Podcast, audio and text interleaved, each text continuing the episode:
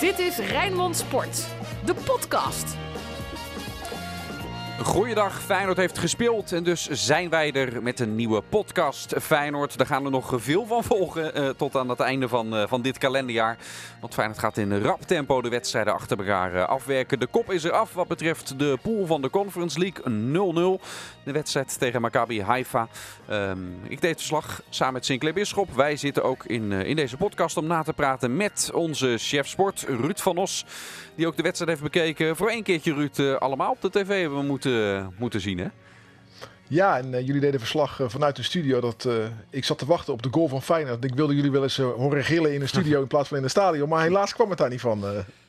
Ja, dat was, dat, was, dat was apart, hè, Sinclair? Ja, om zo verslag te doen, absoluut. Want je mist dan toch ook wel de sfeer. En wat er allemaal gebeurt, dat, dat, dat voel je dan vaak wel. Of dat zie je als je op de tribune ziet, zit. Aan de andere kant denk ik dat we wel ja, toch een leuke wedstrijd hebben gezien. Ondanks de 0-0. In de zin van dat Feyenoord ja, toch redelijk volwassen voor, uh, voor de dag kwam. Rood, wit, bloed, zweet. Geen woorden maar daden. Alles over Feyenoord. Hoe vaak zal Brian Linsen nog wakker zijn geschrokken afgelopen nacht, uh, Ruud, van uh, de kans om Feyenoord oh. aan drie punten te helpen? Twee momenten met links waarin hij ja, de boel open had kunnen gooien. En met name die ene van dichtbij. Hè? Goede actie Sinisterra. En, op zijn kuit kreeg hij hem volgens mij. Hè? Ja, hij gaf uh, Sinisterra van mee op Malasia. Toen kwam die voorzet. En ja. Uh, ja volgens mij stond hij ook gewoon nog uh, goed. Maar, maar maait hij volledig langs de bal. Ja, ja echt de mogelijkheid. bal had sowieso tussen de palen gemoeten. En er was nog wel een kans, hè, maar dit was dan de grootste. De eerste helft, ja, die bal die hij wil chippen, binnen tikken, die, ja. ja. daar heeft hij wat pech dat die keeper hem redt. Maar ja, al met al word je als spits daar wel op beoordeeld. Ik bedoel, hij werkte weer hard. Maar ja, dit zijn wel de kansen bij Utrecht uit bij een 3 in achterstand kreeg hij ook zo'n 100% kans die hij toen naschoof. Ja, dit zijn dan wel de kansen waarop uh, wij en, en, en, supporters hem beoordelen. En dan zeg ja. je toch dat je toch twijfelt, is dit nou toch de, de centrumspits die... Uh, ja. Maar ja, zijn, zijn vervanger, en het is maar een kwartiertje en dat is amper bij Feyenoord. Ik weet het niet, je moet zeker niet, niet, niet te snel zijn met oordelen en zo. Maar het is niet dat hij al heel erg op de deur stond eh, te rammelen met wat hij... Uh... Nee, laten we eerlijk zijn, Lins heeft het ook tot nu toe relatief vaak ingevuld. Maar je blijft het idee hebben dat het een noodoplossing is bij gebrek aan beter. En dan zie je in sommige acties, en dit zijn dan acties waarbij een normale spits, want ik denk dat, dat analisten zoals Makai en Pierre van Hooydonk zitten, zich zitten te verbijten, als dit soort ballen niet eens uh, op het doel gekomen. Voor je uh, het feit dat Feyenoord had, had, meer kansen dan de tegenstander als er eentje had moeten winnen, buiten die slotfase na, dan, dan, dan was dat Feyenoord geweest, uh, Ruud, dat je uh, dan toch redelijk tevreden kan zijn als we het Moyenne van Feyenoord in Europese uitduels erbij uh, pakken ook nog eens? Nou, dat, is wat jij zegt. Als je de geschiedenis van Feyenoord in, in Europa uh, erbij haalt, dan ben je blij dat je gewoon nul doelpunten tegen krijgt in een uitwedstrijd. Hè? Alleen als je de wedstrijd hebt gezien, dan ben je teleurgesteld dat je niet gewonnen hebt. Maar in een poolfase waarin je zes keer speelt en je begint je eerste uitwedstrijd met nul doelpunten tegen, daar kan je niet ontevreden over zijn. En deze ploeg kan je thuis in een kuip, in een volle kuip, zeker hebben. Ja, uh, er was vooraf gezegd, ook door Slot Sinclair, van we krijgen twee uh, dezelfde speelstijlen tegenover elkaar. Dat viel van de kant van Haifa toch wel mee. Nou, dat heb ik inderdaad niet gezien. Ik verwachtte ook wel dat zij toch wat aanvallender zouden spelen. Feyenoord dat dicteerde eigenlijk met name de eerste 25 minuten dat Feyenoord eigenlijk het meeste balbezit had en uiteindelijk de intentie had dat doelpunt wel te maken. Ik moet zeggen dat het laatste kwartier van Feyenoord vond ik wel wat wegzakken. Uh, na rust pakte Feyenoord ook eigenlijk weer goed op, hè, tot buiten die laatste 10 minuten. En dan te bedenken zeker de omstandigheden die toch ook in het voordeel van de thuisploeg spraken. Niet alleen vol stadion, maar ook de, de hitte had ik eigenlijk verwacht dat, dat die ploeg misschien toch wat meer uh, intenties zou hebben om die wedstrijd te, te winnen. Dus maar het viel eigenlijk wel tegen. Kwam ja. dat niet door Feyenoord? Mede door Feyenoord, mede door Feyenoord. Maar, je zag ook dat, dat dan, dan verwacht je in bepaalde fases misschien dat het tempo bij de tegenstander omhoog ging. Of dat ze wat eerder druk zouden zetten. Maar dat zag ik eigenlijk ook niet. Het was uh, ja, uh, eigenlijk wel wat povertjes. Ik had ze wel wat sterker verwacht. Aan de andere kant ben ik wel met je eens, uh, Ruud. Hè? Feyenoord uit in Europa. Dus daarom denk ik wel dat Feyenoord volwassen heeft gespeeld. Dat je je dan in ieder geval niet al te veel weggeeft. Je gaat met een punt weg. Achteraf kunnen we misschien straks wel zeggen dat je uh, deze punten nodig had gehad. Aan de andere kant, als jij gewoon uitbegint met een punt. Uh, en je thuiswedstrijden daarin doe je wat je moet doen, kan je ver komen. Ja, vorig jaar ging dat mis. Hè? Toen begon Feyenoord ook met een punt uit in, uh, in Zagreb. Werd de eerstvolgende thuiswedstrijd verloren. Maar ja, we weten wel dat vorig jaar door corona natuurlijk de, de, de, de thuiswedstrijden... dat ja, toch een belangrijke factor bij Feyenoord de twaalfde man er niet was. En dat is nu dadelijk anders. Ja, daar hoorde ik Dennis nog een grap over maken op de radio. Dat de Wolfsberger wel een twaalfde man had in de Kuip. Ja, dat was toch ook zo niet waar. Kwamen wel met Ah, het was geen eens een grap. Nou, dan leek het met die scheids wel bijna op toen. Ja, dat was een absurde, absurde wedstrijd eh, natuurlijk. Hey, ehm, ehm, ehm, in Israël, want ik begreep wel van de spelers na afloop, wij, zijn daar natuurlijk niet geweest, dus dan, dan ervaar je dat zelf niet mee. eh, dat het wel echt warm en drukkend was, dat die grasmat eh, niet lekker was, dat, dat helpt allemaal ook niet mee. Als je het spel wil spelen zoals Feyenoord het dit jaar graag wil. Kan dat een verklaring zijn waarom het allemaal net wat slordiger, dat die eindpas net niet goed was. Dat blijft bij mij ook een beetje hangen over die wedstrijd van gisteren. Dat toch die omstandigheden, dat je die mee moet wegen. Nou, ik- Nou, zeker, zeker. Dat, de, de omstandigheden moet je altijd meewegen. En in, wat ik wel goed vond, dat Maresca in ieder geval de scheidsrechter eh, drinkpauzes inlaste. Want daar, dat moet je gewoon doen met, met mensen die tot het uiterste gaan. Die moet je eh, de, kans geven om, om, vocht tot zich te nemen. Dus dat vond ik goed.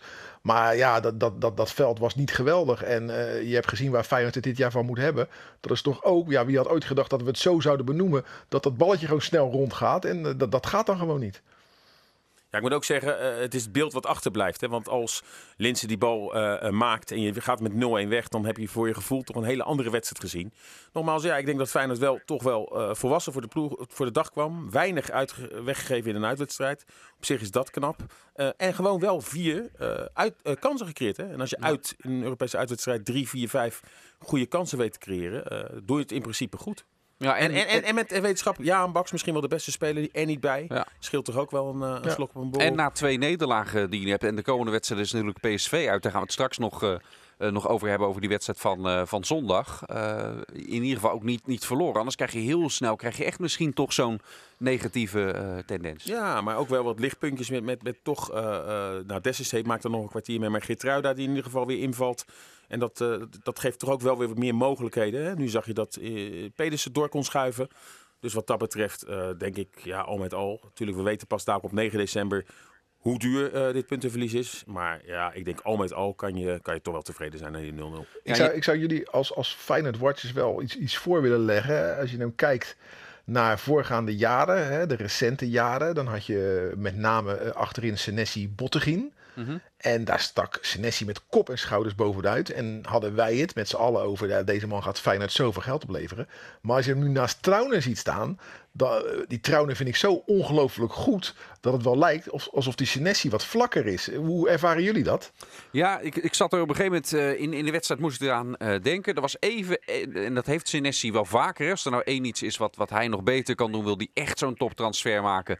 Is, is het dat ene laconieke momentje wat hij toch heel vaak in de wedstrijd nog, nog erbij heeft. Hè. Even een bal, één keer één seconde verkeerd taxeren. En heel vaak herstelt hij het daarna wel alsnog. Eh, want ik vind, ik vind Senesi een klasbak, laat dat duidelijk zijn. Eh, maar dat soort laconieke momentjes, die heb ik bij Trauner eigenlijk bijna nog nooit gezien. Ja, zijn eerste wedstrijd schoof hij een bal in de voeten van de tegen. Was dat tegen ADO? Volgens mij was dat eh, in die, in die oefenpot tegen Atletico ADO. Madrid. Dat hij een bal in de voeten van de tegenstander. Ja, dat was die, dat was die, terug, die gekke terugspeelbal. Maar had één keer, eh, in, volgens mij in zijn allereerste wedstrijd schoof hij een bal zo in de voeten van de tegenstander. Maar meestal met Trauner, ja, weet je dat het altijd dik voor elkaar is. Is voor zijn, eh, no pun intended trouwens met, met deze. Is, sorry collega's. Hij komt altijd, positioneert zich al voor de tegenstander. Hè? Dus doorziet de situatie voordat het zover is. Die Trauner maakt echt heel veel, heel veel indruk. En er staat iemand naast hem nu, naast Waar hij ook echt nog dingen van, eh, van kan leren. Heb je het ik, ja. vind dat ze elkaar eh, erg aanvullen, dat ze elkaar sterker maken. En je zag bijvoorbeeld de laatste twee wedstrijden die verloren eh, werden. Dat was dus tegen Elfsborg en tegen Utrecht. De enige twee nederlagen dit seizoen. Toen was eh Senesi er niet. Dus die twee maken elkaar sterker. En in het verleden heeft Feyenoord wel vaker duo's gehad. Dat was eigenlijk toch ook rond het kampioensjaar Bottegien en Van der Heijden. Allebei geen... eh, spelers die Barcelona ooit halen. eh, maar wel, dat vulde elkaar goed aan. De Wolf Vrezen, allebei spelers. Niet de absolute wereldtop, maar die vulden elkaar goed aan. En misschien dat deze twee ook misschien geen wereldtop zijn. Want anders ben je niet tot je 29ste een speler in de Oostenrijkse competitie. Senesi, ik moet wel zeggen, je zag ook wel weer een actie dat hij wel kwetsbaar is op snelheid. Hè, aan de rechterkant. In kans. Ja, in de Eh, absolute ja. slotfase. hè. Maar Ja, dat ja. zijn wel twee spelers die elkaar zodanig aanvullen. dat je gewoon met een goede keeper erachter. Gewoon een ijzersterke verdediging eh, hebt. waar eh, ja, je heel ver kan komen, denk ik. Maar jij noemt nu drie duo's. Hè? Jij noemt de Wolf Vrezen, Trauner, Senesi en Van der Heijden, Bottegien. Het is toch nog steeds een godswonder dat Feyenoord in 2017 met dat centrale duo kampioen is geworden. Want als je van deze drie duo's zijn, zij echt duidelijk het minste duo. Ja, dat was wel een seizoen. Hè. Achteraf bezien dat, dat werkelijk iedereen in dat elftal uh, is boven zichzelf uitgestegen. Zo'n beetje. En ook als, ook als collectief gaat iedereen vervolgens in dat niveau nemen. Want uh, ja, pak ze er bijna allemaal bij. Toornstra heeft nooit meer een, een seizoen gehad wat van dat uh, niveau was met, met scorend vermogen. Jones, de keepte de jaren daarna keepte die toch wat, wat minder. Jurgensen, inderdaad, die jij noemt, had toen. Hè, de, en, en daar zijn Bottegien van de Heide zijn daar in dat seizoen natuurlijk ook in in, uh, in meegegroeid en meegegaan.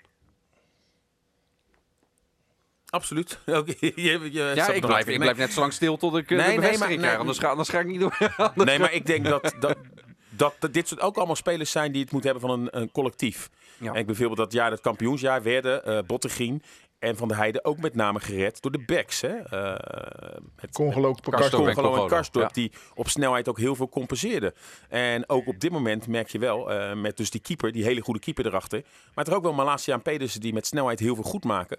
Dat daardoor die twee mensen in het centrum waar we het over hebben, Trauner en Senesi, dus goed uit de verf kunnen komen. Dus soms hebben dat soort spelers, zijn erbij gebaat wat er om hun heen staat. En dan is het de vraag Senesi, als hij een stap maakt en hij komt wel bij een ploeg waar die bijvoorbeeld echt hè, met, met, snelheid moet werken, ja, dan, dan, ik zeg niet dat hij kansloos is, maar dan wordt het natuurlijk een moeilijke verhaal als dat hij echt naar een ploeg gaat waar hij zich ook op kan trekken aan uh, verdedigers om hem heen. Hey, tot ja, wat, wat ik wel interessant vind, wat ik wel interessant vind, is wat, wat gaat er nu gebeuren op rechtsachter, nu Geertruida er weer is. Die heeft nog wel even nodig natuurlijk om weer 100% te worden. Maar Pedersen Geertruida, het is goed dat die eh, concurrentiestrijd er is. Maar ik ben wel benieuwd wie hem gaat winnen.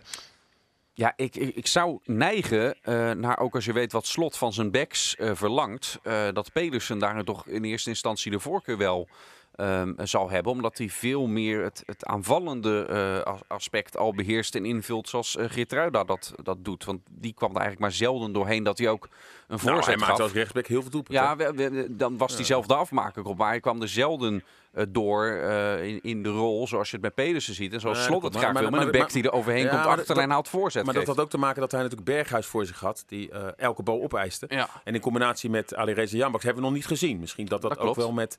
maar ik, om, om die vraag te beantwoorden. Ik denk dat ja, Pedersen is nu ook Noors International geworden. Is echt uitstekend bezig dat het...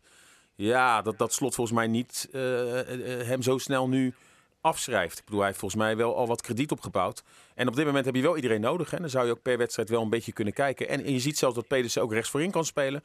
Dus ik denk, en dat is ja het nadeel van die hele kleine kern dat je, dat je ook noodverbanden moet gaan leggen. Zoals Toornstra eigenlijk al een noodverband is. Op het moment dat uh, Pietje, in dit geval Alireza, niet speelt.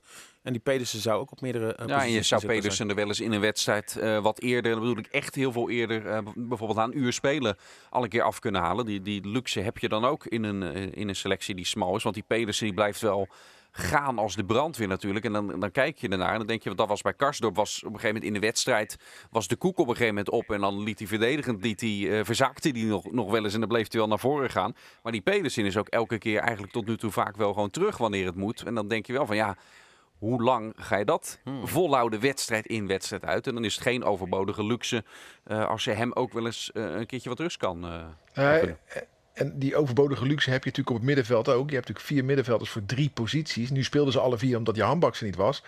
Maar als ik dan kijk hè, naar, naar Til, naar, naar Toornstra, naar Arsnes en naar, naar, naar Kukshu. Ja, dan die laatstgenoemde Kukshu is dan eigenlijk niet mijn meest favoriete. Wel misschien in, in, in aanleg en talent.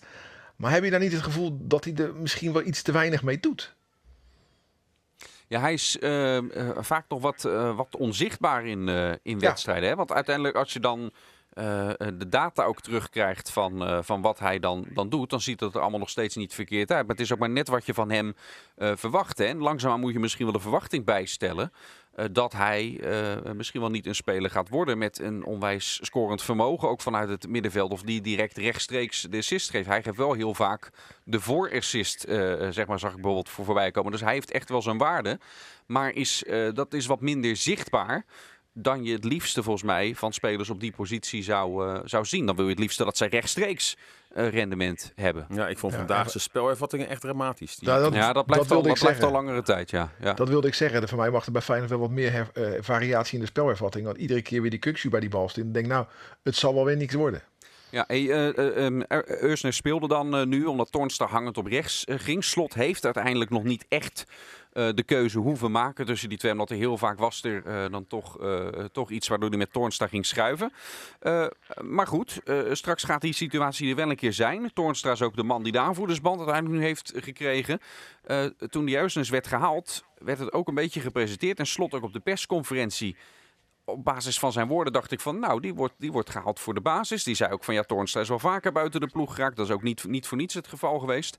Ja, ik wil hem toch opwerpen. Hoe, hoe zeker is dat? Nou, als uiteindelijk de keuze echt nou, tussen die twee gaat. Nou, Ruud zegt net al, uh, noemt de naam Kukcu, die misschien dan wel eens kind van de rekening zou uh, kunnen zijn. en ik denk dat dit wel ideaal voor een trainer is. Laat ze het maar uitvechten. En op basis van wat je de laatste week hebt gezien, zou het inderdaad niet gek zijn als misschien uh, dan op de bank plaats zou nemen. Maar ja, Til zou ook daar ook een mindere fase kunnen hebben. En, en, en Toornstra, nou vandaag viel er dan met kramp uit.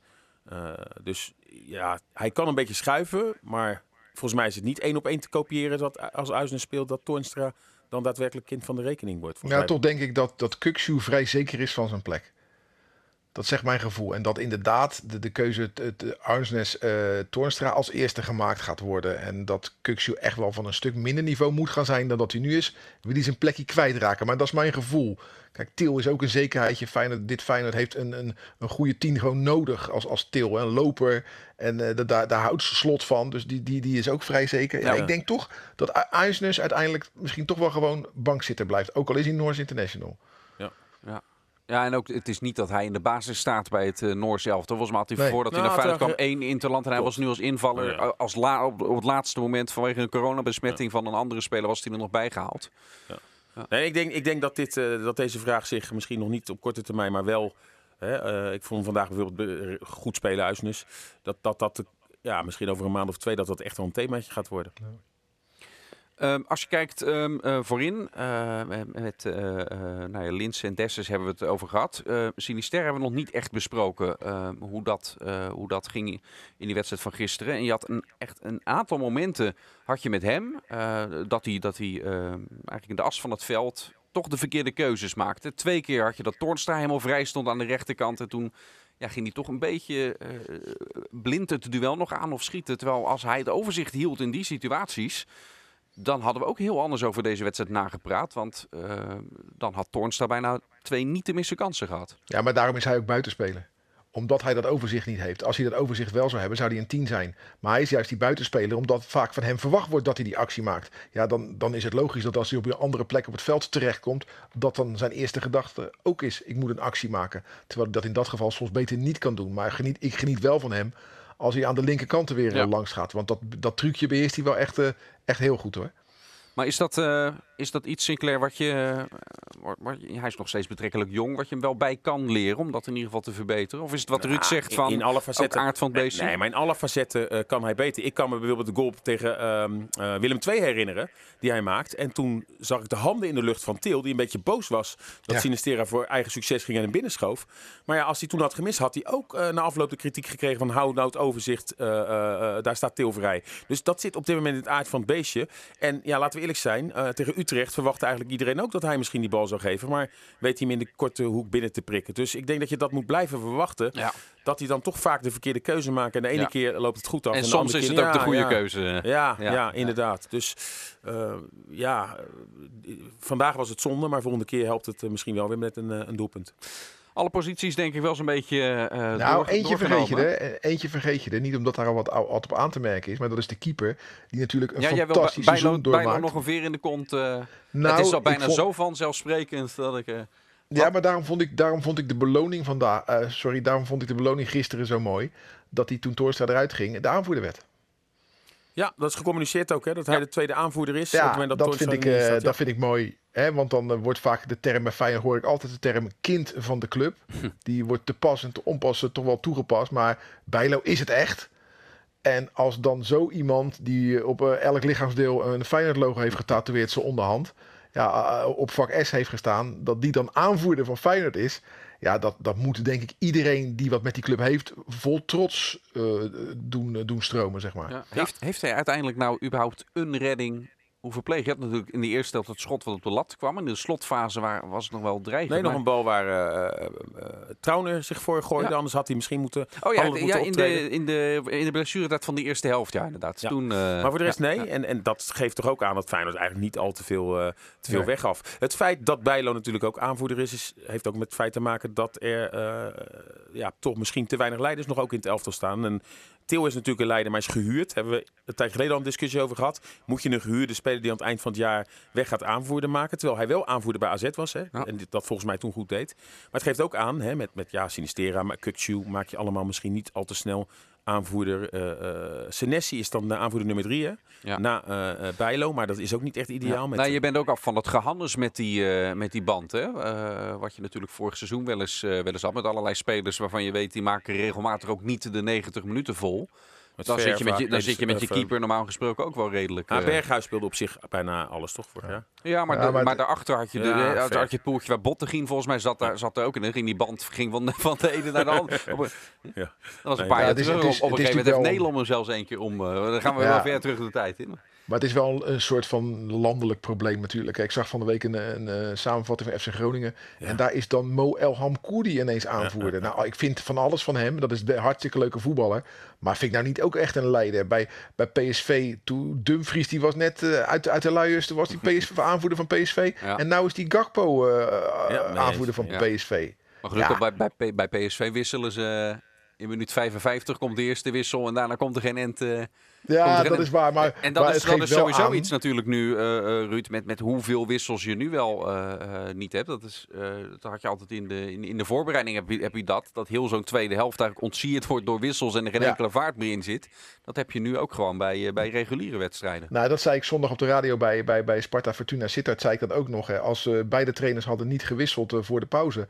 Ja, dan kan je er na de pauze gewoon tien wissels verwachten. En dan inderdaad wat jij zegt. Bij oefenduels zeggen we dan altijd. Ja, het voetbal werd de tweede helft minder. Want het werd ontsierd door wissels. Maar dat gaat dan ook voor competitiewedstrijden gelden. Hè. En eh, als je kijkt dat- dat er gisteren bij, Is- bij eh, eh, Haifa ook weer vier wissels. Hè. Ja, die trainers blijven maar ingrijpen. Dat duurt lang en dat duurt lang. Nou, Feyenoord wisselde maar twee keer. Geertruida en Dessus kwamen erin. Maar soms eh, ja, ligt het spel eh, ja, echt door die wissels zo lang stil. En de- die tijd wordt er maar zelden bijgetrokken. Ik, ik, ik verbaas me echt over hoe weinig scheidsrechters eh, eh, boven de vijf minuten aan blessuretijd bijtrekken. Dat doen ze bijna niet. Nee. Vijf is het matje, af en toe zes. Maar eigenlijk horen er soms acht, negen minuten bij te komen. Zeker met al die wissels. Mee eens. Maar ik- vind het wel een, een, een mooie discussie. In de zin van, kijk, eh, ook bij het hockey heb je gezien. Kijk, vroeger had je daar ook gewoon maar een, een- paar wissels. Maar daar mag je tegenwoordig helemaal doorwisselen. En ik vind deze sport ook niet meer van nu. Dat je echt maar met een selectie van 22 en dat er maar drie man in mogen komen. En eh, daarvoor, zeker nu er met vijf wissels is, moet je denk ik ook anders gaan denken. En ik- die Smit krijgt heel veel kritiek. Maar ik begrijp het wel. Als je eh, vaker mag wisselen, dat betekent ook die, de voetbalsport eh, heeft een evolutie. evolutie. En eh, daar kan je misschien wel in slotfase zorgen dat je team fitter wordt. Ik denk dat Smit er nog niet helemaal goed mee omgaat. Maar ik denk wel dat er een hele andere techniek eh, eh, als trainer mogelijk moet zijn dan een paar jaar geleden. Want toen kon je eigenlijk niet eerder wisselen. Want je moest vaak voor de slotfase nog een wissel overhouden. Kon je misschien twee man wisselen. Maar nu je vijf man ma- moet wisselen, moet je daar echt veel meer over nadenken. En laatst werd er dan van Gaal volgens mij in de eerste Interland. En die was volgens mij ook vergeten dat het al veranderd was.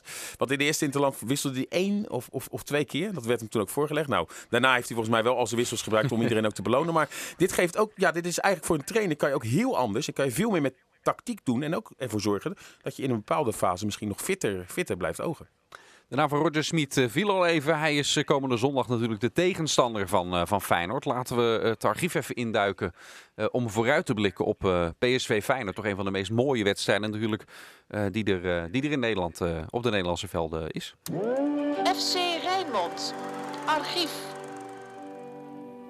Ik eh, stel wel één verbod in bij de archief eh, Feyenoord over PSV Feyenoord. En vooral eh, kijk ik vooral naar jou, Ruud van Os. Nou, je begint er zelf over Nee, nou, hoor. ja, dat is ook wel weer waar. Want ik had al een hele andere in mijn gedachten. Nou, vertel. Ik, Jij weet, trouwens, niet, jij weet trouwens helemaal niet welke ik, eh, welke ik bedoel. Ja, ik ja, bedoel, ja, dat ja, hebben we het nu al zo vaak gehad over Fraser en eh, de grote ommekeer. Dat bedoelde ik eh, natuurlijk. Daar gaan we het niet over Fraser hebben. En dan gaan we het ook niet over eh, Mario ik weg, trainer? Ik hebben. bliep... Die gaan we niet hebben. Nee. Nee, wat, wat voor mij persoonlijk een bijzondere PSV Feyenoord was... dat was in het jaar dat Atemos trainer van Sparta was... toen hadden wij hem uit Van Rijnmond uitgenodigd... om onze analist te zijn bij PSV Feyenoord. Dus Jan Dirk en ik deden verslag en Aad zat ertussen. Nou, Aad is natuurlijk een acteur van hier tot Tokio. en, maar ook een beetje een bijzondere man. En misschien ook wel een beetje een rare man. Dus eh, hij op de radio vertellen aan ons, het was radio en aan de luisteraars... van joh, ik schrijf alles op. Nou, hij had geen eens pen en papier bij zich. Hij schreef helemaal niks op. Weet je, maar hij vertelde het gewoon doodleuk. Ja, ik zit aantekeningen te maken. Hij maakte helemaal geen aantekeningen. Maar dat maakt allemaal niet uit. Maar toen ging het erover wie, dan, wie hij dan het beste vond. En dan zegt hij, dan moet je, als je zo hoog in het stadion zit... moet je je ogen een beetje half sluiten, dat, je, dat het beeld wazig wordt. En dan moet je goed kijken welke kleur het meeste beweegt. Nou, Feyenoord speelde toen in het geel. Hij zegt, fijn, ik zie alleen maar geel bewegen. Ik zie alleen maar geel bewegen. Feyenoord eh, is lekker bezig. Ja, dat was de manier van werken van Atemos. Nou ja, je begrijpt waarom Sparta gedegradeerd is. Maar dat was voor mij wel een bijzondere ervaring. Zo bijzonder zelfs, dat ik niet eens de uitslag van die wedstrijd mee weet. Maar wel dat ik naast een hele bijzondere Atemos zat. Nou, gelukkig zijn we in de eh, omstandigheid dat we eigenlijk heel vaak een goed resultaat uit Eindhoven weghalen. Met veel wel ook wel als wij gelijke spelen. Maar eh, buiten waar jij aan eerste instantie richting eh, wilde, Dennis. ja, doet Feyenoord het volgens mij wel vaak goed in Eindhoven. Een paar keer ook gewonnen. Nou ja, ik mag het niet over die van Fraser hebben, eh, waar ik nog als supporter bij was. Maar laat ik dan eh, die uit het kampioensjaar met Bottegien, vlak voor tijd 1-0. Daar zat ook wel alles in in die wedstrijd. Hè? Dat was eh, het Feyenoord dat uiteindelijk kampioen werd. Maar ja, aan het begin van het jaar was je nog wel huiverig. Feyenoord de eerste vier wedstrijden gewonnen. Groningen 0-5, nog een paar van die resultaten. Dit was dan de eerste test. Ehm, en Feyenoord had het ook moeilijk, hè? Eh, Met, met, met, met aardig wat reddingen van Jones. Nou, Feyenoord kwam toen acht minuten voor tijd of vijf minuten voor tijd op voorsprong. En toen in de slotfase nog een redding met een kopbal van de Jong op de lijn. En die gebetenheid, die verbetenheid ook bij, bij, bij El Amadi en ook bij, bij Jones bij zo'n redding. En dat ze zich nog voor de bal gooiden. Nou, dat was wel een heerlijke overwinning waarbij je toen echt voor het eerst eigenlijk misschien echt het idee had... dit zou wel eens een jaar kunnen worden waar Feyenoord echt lang mee gaat doen om de titel. Dus eh, ik, eh, eh, als ik een wedstrijd moet eh, uitkiezen, dan heb ik het over die van 2016. Kampioen in 2017, maar dit was ook wedstrijd nummer 5, hè? Nu is het Feyenoord natuurlijk 4 met de 1 Een paar, uitgevallen. dagen, maar ja, paar dagen na de overwinning de op, eerste eh, op Man Manchester United. ja. Ook naar de eerste Ja. Europese groepswedstrijd. Wat wel eh, mooi is dat het aan, eh, aan PSV Feyenoord wat dat betreft eigenlijk altijd veel leuker om naartoe te leven dan, eh, dan de klassieker in Amsterdam. Hè, Als je de, de, van de topduels die, die uitduels eh, pakt. Is dat eh, ook als Feyenoord een, een, een minder seizoen heeft, komt het daar vaak toch nog... eh, de- zeker de laatste seizoen heb je dat, dat gezien als Feyenoord een minder jaar. Het kwam het daar vaak toch opeens weer goed voor de dag. Hè? Eigenlijk al meerdere jaren nu. Dat als de eentje uiteindelijk het overwicht had en verdiend had om te moeten winnen. Ook bij die laatste paar gelijk spelen. Dan was dat Feyenoord. En eigenlijk is dat al door de, door de jaren heen. Hoe moeilijk Feyenoord het altijd in Amsterdam heeft. Hoe, hoe goed het betrekkelijk eigenlijk toch vaak in, eh, in Eindhoven gaat. En in de Kuip zijn die cijfers nog, nog veel meer in het voordeel van Feyenoord. Dat blijft toch iets wat mij altijd wel fascineert. Die driehoek tussen de, eh, tussen de traditionele top drie in Nederland. Hè. Dat Feyenoord het altijd zo zwaar heeft tegen, tegen Ajax. PSV het zo zwaar heeft tegen Feyenoord. En Ajax heel vaak tegen PSV. Toch ook het, eh, het onderspit. Dat- Dat blijf ik ook iets, iets, iets psy- psychologisch eh, eh, vinden Ja. van hoe dat nou toch kan. Maar, maar ook het feit dat PSV heel veel toppers niet meer had gewonnen. Er was echt een stuk of 18 toppers of 17 hebben niet, niet gewonnen, met AZ meegerekend. En nu winnen ze er ineens alweer twee. En Ja. dat was ook met AZ, hè. die had het ook geloof ik... 20 keer geen toppen meer gewonnen. En toen en toen ineens 9 of zo op rij. ja. Dus eh, ik wil niet, hoop niet dat dat een goede eh, voorbode is voor komend weekend. Maar hoe bizar dat fenomeen ook is. Hè? Dat als je eenmaal eruit klimt, of juist als je in die hoek van die klappen zit, dat dat vaak dan eh, doorwerkt. Ja. Gek. Nou, ik moet, ik moet eerlijk zeggen, ik, ik heb niks met PSV. Ik vind het eigenlijk, en dat bedoel ik Dat niet vind lelijk. genuanceerd. Nee, maar misschien, misschien bedoel ik het wel lelijk. Ik vind het een, eh, een provincieclubje. Waarom? Omdat daar van druk weinig sprake is. Als je ziet hoe hoog de druk bij Feyenoord en bij Ajax is. eh, Met één of twee slechte resultaten. Bij PSV is dat heel anders. Ik vind het allemaal, ja... Echt eh, de, de, de, de, de, de, bedrijfsvereniging van Philips. Hè. Maar wel respect voor wat ze in die jaren hebben, hebben neergezet. En ik moet wel zeggen, ik denk dat ze het dit seizoen, het tweede jaar van Schmid, spelers zijn eraan gewend, dat ze wel heel erg goed voor de dag komen op dit moment. En eh, ik ben ook benieuwd hoe fijn het, wat jij dus net zegt Dennis, het altijd goed doet in Eindhoven, hoe dat dit jaar gaat lopen hoor. Want en met een Madueke, met een goede, Ja. goede guts, eh, eh, nou ja, gelukkig voor Feyenoord is Donjel Malen weg, maar die Gakpo vind ik een goede. Ja. Boskakli is zich ineens gaan ontwikkelen, daar heb ik nooit van gedacht dat dat een basisspeler bij PSV zou, zou worden. Ja, keeper vind ik, ik vind Bijlo veel beter dan Drommel. Terwijl er in, Nederland mensen zijn die drommel hoger aanslaan. Ik kan me echt niet voorstellen dat je dat meent. Maar eh, ondanks het verlies van Dumfries, weet je wel, ze hebben het wel lekker voor elkaar. Hoor, met Van Ginkel op het middenveld daar.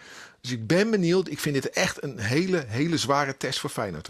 Klein voordeeltje voor Feyenoord nu is wel dat door eh Jom Kippur, Jom Kippur, dat eh, Feyenoord normaal gesproken had Feyenoord donderdagavond Ja. gespeeld in Israël, eer je dan terugkomt en, en, en nu kan Feyenoord zich wel al lekker voorbereiden op die topper, daar waar PSV donderdag nog aan de bak moet. Niet tegen de eerste beste, hè, Real Sociedad. Toch een Spaanse, daar moeten ze zo Ja. vol, vol aan de bak moeten. Dat is een klein voordeeltje voor Feyenoord. Dat, dat het kan 2% schelen, maar goed.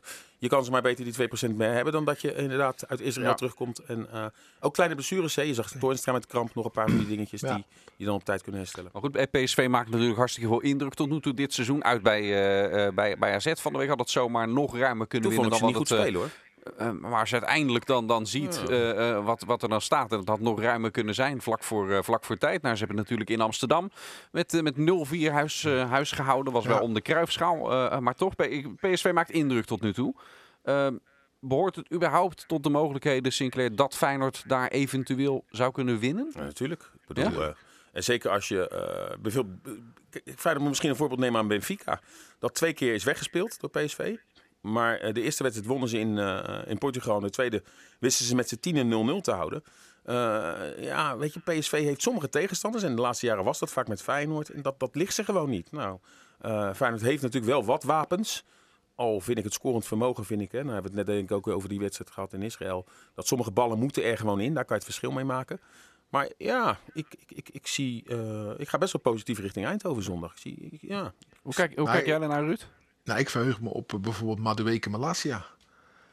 Ja. Want dat zijn twee smaakmakers van de competitie. Malasia als linksback eh, heeft oranje gehaald. Madueke doet het natuurlijk fantastisch. Ja, dat, dat is iets waar ik echt naar uitkijk. Ik ben blij sowieso dat PSV niet zo'n hele goede spits heeft. Hè, want stel nou voor dat deze goede ploeg ook nog eens een goede spits zou hebben. Ik ben niet zo onder de indruk van eh, Sahavi. Al kan hij af en toe wel als een sluipmoordenaar uit de hoek komen. Maar ik vind hem geen spits van, in de, in de PSV-traditie. Die hebben goede spitsen gehad in in het verleden. Nou, daar vind ik hem zeker niet in passen. Maar, maar jij zegt, kan Feyenoord winnen? Ja, gezien het verleden, gezien de traditie zou je bijna zeggen, is dat zeker wel mogelijk. Ik denk alleen dat Feyenoord nu te maken krijgt met het sterkste PSV van de laatste jaren. Ja, en, dat bedoel, en dat bedoel ik met dat het een zware test wordt. Maar dat ze bijvoorbeeld kansloos zijn, wil ik zeker niet zeggen, nee. Nou, dat lijkt me een, eh, een mooie voorbode om eh, zondag ook gewoon weer te luisteren naar, eh, naar Radio Rijnmond. Natuurlijk, we zijn er van begin tot eind bij, bij eh, eh, die topper in, eh, in Eindhoven. Eh, dit seizoen weer met z'n tweeën gewoon, hè, eh Sinclair? Ja, het, laten we stoom een beetje, eh, het stoom een beetje weggetrokken. vertel ja, vertel nee, even voor het je... seizoen met COVID, ja. Toen mochten we maar met één man verslag doen. En toen was er wel gewoon plek. werden zelfs plaatsen aangeboden door de perschef van Feyenoord. Maar wilden ze daar in Eindhoven wilden ze, ja, ons niet met z'n tweeën naast elkaar hebben. Maar goed, dat gaat dit jaar goed komen.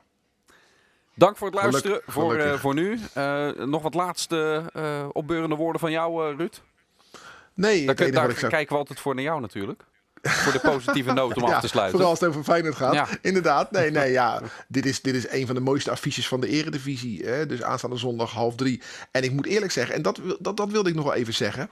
Ehm, voor even voor de mensen eh, die zelf hebben thuisgekeken. Wij konden daar ook niet bij zijn. Jullie zaten in de studio. En ik heb het, het grootste gedeelte van de wedstrijd van eh Haifa Feyenoord... heb ik eh, op de radio, of sorry, op de tv gekeken. Maar ik moest mijn zoon ophalen bij voetbal. Dus ik moest de laatste vijf minuten van de wedstrijd, dus de laatste tien minuten inclusief blessuretijd, moest ik eh, weg. Ja, dat kon even niet anders. Dus ik heb de laatste tien minuten van de wedstrijd Veel totaal spannender, hè? heb ik in, op de radio in de auto geluisterd. En eigenlijk zeg ik, vind ik dat vele malen leuker dan tv kijken. Natuurlijk, bij tv worden niet alleen je oren, maar ook je ogen bediend. Maar het, het, het luisteren naar een voetbalwedstrijd en zelf een beeld erbij vormen. Waarbij jullie net doen alsof er om de vijf minuten gescoord kan worden. Dat, dat is natuurlijk niet zo. Maar jullie maken het zo spannend dat ik echt de mensen wil uitnodigen. Probeer het weer eens een keer. Laat zondag gewoon die tv uit en luister PSV Feyenoord op de radio. Ik weet zeker, je beleeft de middag van je leven. Dat lijkt me prima. Wij van WC Eend bevelen eh, aan. Luister zondagmiddag naar Radio Rijnmond. Dank voor het luisteren naar deze podcast. En maandag, de dag na PSV Feyenoord, zijn we natuurlijk weer met een eh, nieuwe podcast. Vrijdag eh, de voorbeschouwing op die wedstrijd. Ook ehm, FC Rijnmond op televisie. Heeft een van jullie paraat wie er te gast is? Ik namelijk niet. Komende vrijdag. Ja, Sinclair. ja, Maaskant Maandag is. Maaskant. Oh, maandag maandag is is Maaskant. Uh, Sjoerd Mossou. Oh, Sjoerd Mossou, Mossou, hoor ik. Ik hoor uit zeer betrouwbare bron dat Sjoerd Mossou er uh, vrijdag is. FC Rijnmond dus op vrijdag en op maandag. Zondag die wedstrijd. Maandag ook weer een nieuwe podcast. Dank voor het luisteren. Hou onze site en app ook in de gaten voor al het laatste Feyenoord en overige sportnieuws uh, tussendoor in de komende dagen. Dit was Rijnmond Sport, de podcast. Meer sportnieuws op Rijnmond.nl en de Rijnmond app.